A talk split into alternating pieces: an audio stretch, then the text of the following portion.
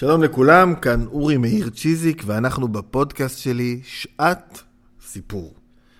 פודקאסט בו אני מביא בכל פרק טקסט אחד מהספרייה שלי, הספרייה של המרכז להנהגת הבריאות, מספר עליו ומקריא אותו. אנחנו בפרק 32, והיום אנחנו נקריא קטע קצר מהספר מהפכת קנה הקש, מבוא לחקלאות טבעית, שכתב מסנובו, מסנובו פוקווקה. אה, ספר יפני, ספר שאני מאוד מאוד אוהב. עוד מעט תבינו למה, גם כי אני, אבל אני אגיד באופן כללי, עוד לפני שנדבר על הסיבות שבתוך הספר, לאהבה שלי לספר, אבל הוא ספר חקלאי, וככה בשנה האחרונה אני מתקרב יותר ויותר אה, לגינה ולחקלאות. ו... אה, זה ספר אה, של הוגה דעות יפני שקוראים לו מסנובו פוקווקה, שחי מ-1913 ונפטר ב-2008. אני קורא מהכריכה האחורית, עיקר ופילוסוף. התפרסם בזכות שיטת החקלאות הטבעית שפיתח, הנודעת בכינויה חקלאות של אפס מעש. בטח עכשיו אתם כבר מבינים למה אני מתחבר כל כך לספר, המתבססת על עיקרון של גדילת הצמחים בטבע ללא התערבות יד אדם. מאז 1970 פרסם פוקואוקה ספרים ומאמרים מדעיים ביפן, תועד בסרט דוקומנטרי והפיץ רעיונותיו ברעיונות רבים. השפעתו התרחבה אל מעבר לתחום החקלאות הטבעית. חוותו הפכה למוקד עלייה לרגל ורעיונותיו היוו מקור, היוו מקור השפעה לעוסקים בתזונה טבעית, בסגנון חיים ובסגנון חיים המאמץ חזרה לטבע. במסעותיו הרבים בעולם לימד את שיטותיו בסדנאות וסייע באמצעותן להפוך אדמות בור באפריקה, מזרח אסיה ואף באירופה לאדמות הראויות לגידול ירקות.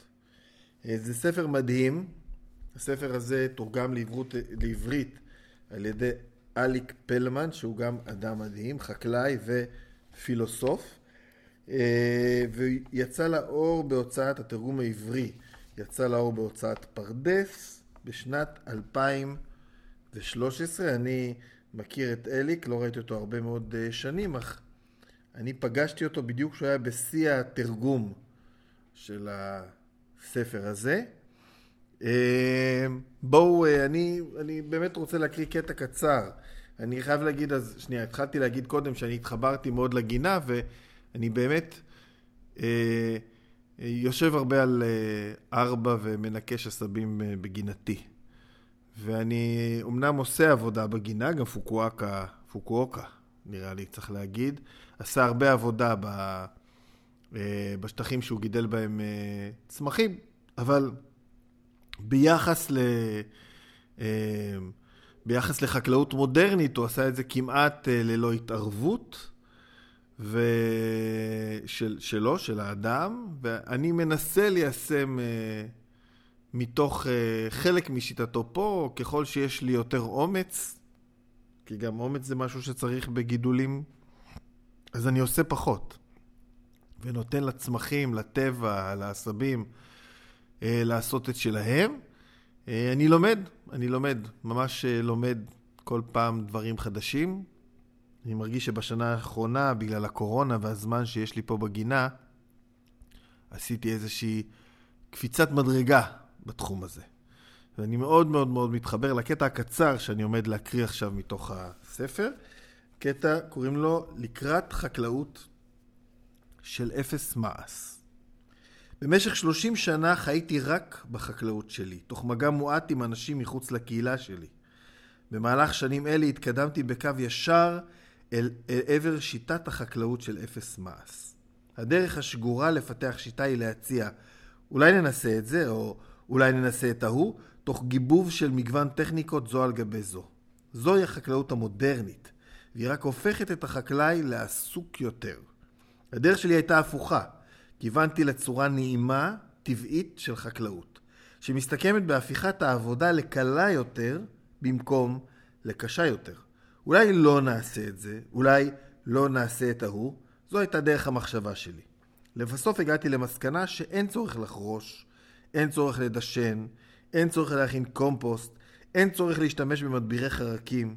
כשמגיעים לבסיס העניין יש מעט פעולות חקלאיות שהן באמת הכרחיות. הסיבה לכך שטכניקות המשופרות של האדם נראות הכרחיות היא שקודם האיזון הטבעי הופר קשות על ידי אותן טכניקות עצמן, עד שהאדמה נעשתה תלויה בהן. קו המחשבה הזה תופס לא רק לחקלאות, אלא גם להיבטים אחרים של החברה האנושית. רופאים ותרופות נעשים הכרחיים כשאנשים יוצרים סביבות חולניות. לחינוך פורמלי אין ערך פנימי, אך הוא נעשה הכרחי כשהאנושות יוצרת תנאים שבהם אדם מוכרח להיות משכיל כדי להסתדר. לפני סיום המלחמה, כשעליתי לפרדס כדי ליישם את מה שחשבתי אז לחקלאות טבעית, לא גזמתי את העצים ועזבתי את הפרדס לגורלו. הענפים הסתבכו, העצים הותקפו על ידי חרקים וכמעט שמונה דונם של מנדרינות נבלו ומתו. מאז השאלה מהו הדפוס הטבעי הייתה תמיד בראשי. בתהליך ההגעה לתשובה חיסלתי 400 עצים נוספים. לבסוף הרגשתי שאני יכול לומר, יכול לומר בוודאות, זהו הדפוס הטבעי. כאשר עצים חורגים מצורתם הטבעית, גיזום והשמדת חרקים הופכים להכרחיים. כאשר חברה מפרידה את עצמה מחיים קרובים לטבע, חינוך פורמלי הופך להכרחי. בטבע, לחינוך הפורמלי אין תפקיד. בגידול ילדים, הורים רבים עושים את הטעות שעשיתי אני בהתחלה בפרדס.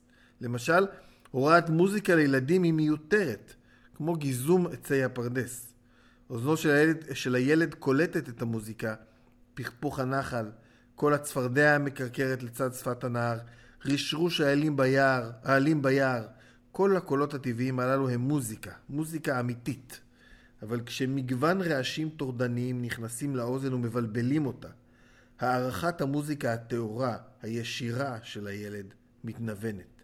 אם ימשיך בדרך זו, הילד לא יהיה מסוגל לשמוע את קריאת הציפור או את קול הרוח כשיר. זו הסיבה לכך שחינוך מוזיקלי נחשב מועיל להתפתחות הילד. הילד שגדל עם אוזן טהורה וצלולה אולי לא יהיה מסוגל לנגן את הלחנים המוכרים על כינור או פסנתר, אבל אני לא חושב שיש לזה איזשהו קשר עם היכולת לשמוע מוזיקה אמיתית או לשיר. כשהלב מלא בשיר ניתן לומר שהילד מחונן מוזיקלית. כמעט כולם חושבים שטבע הוא דבר טוב, אבל מעטים תופסים את ההבדל בין טבעי ללא טבעי. אם ניצן חדש יחיד נקטע מעץ פרי בעזרת מספריים, זה עלול לגרום להפרעה בלתי הפיכה. בגידול בהתאם לצורה הטבעית, ענפים מתפשטים לסירוגין מהגזע, ועלים קולטים את האור באופן אחיד. אף רצף השתלטלות, אם רצף השתלשלות הזה מופר, הענפים מסתכסכים, נשכבים זה על זה ומסתבכים, והעלים נובלים במקומות שהשמש לא מצליחה לחדור אליהם. מתפתחים נזקים מחרקים. אם העץ לא ייגזם בשנה העוקבת, יופיעו ענפים נבולים נוספים. בני האדם, בהתערבותם עושים משהו שגוי. משאירים את הנזק לא מתוקן, וכשהתוצאות השליליות מצטברות, עובדים בכל הכוח לתקן אותן. כשפעולות השיקום נראות מוצלחות, הם רואים בצעדים אלה הישגים נפלאים. אנשים עושים זאת שוב ושוב. כמו טיפש שידרוך בכוח על רעפי גגו וישבור אותם. אז, כשיתחיל לרדת גשם והתקרה תתחיל להירקב, יתאפס במהירות לתקן את הנזק.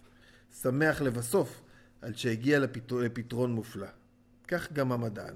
הוא שוקד על ספריו יום וליל, מאמץ את עיניו ונעשה קצר רועי. ואם תהיתם על מה הוא בכלל עובד כל הזמן הזה, הרי זה להמציא משקפיים לתיקון קוצר ראייה.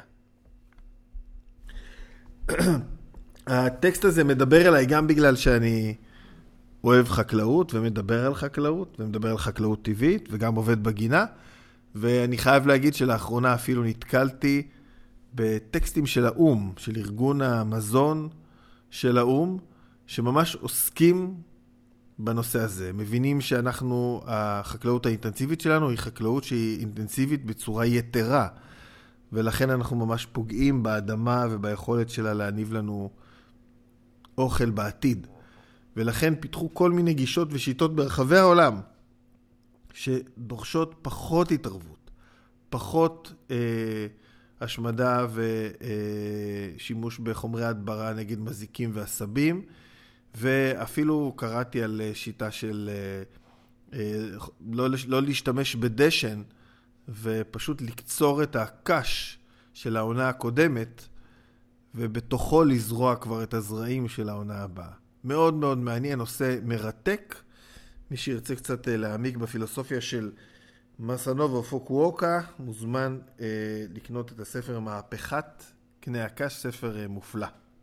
זהו, סיימנו. אני מזמין אתכם לעקוב אחרי הפודקאסט שלי, שהציפור, וגם לעקוב אחריי ואחרי הפעילות של המרכז להנהגת הבריאות, גם ברשתות החברתיות וגם באתרים שלנו. אני אורי מאיר צ'יזיק, ואנחנו ניפגש בפרק הבא.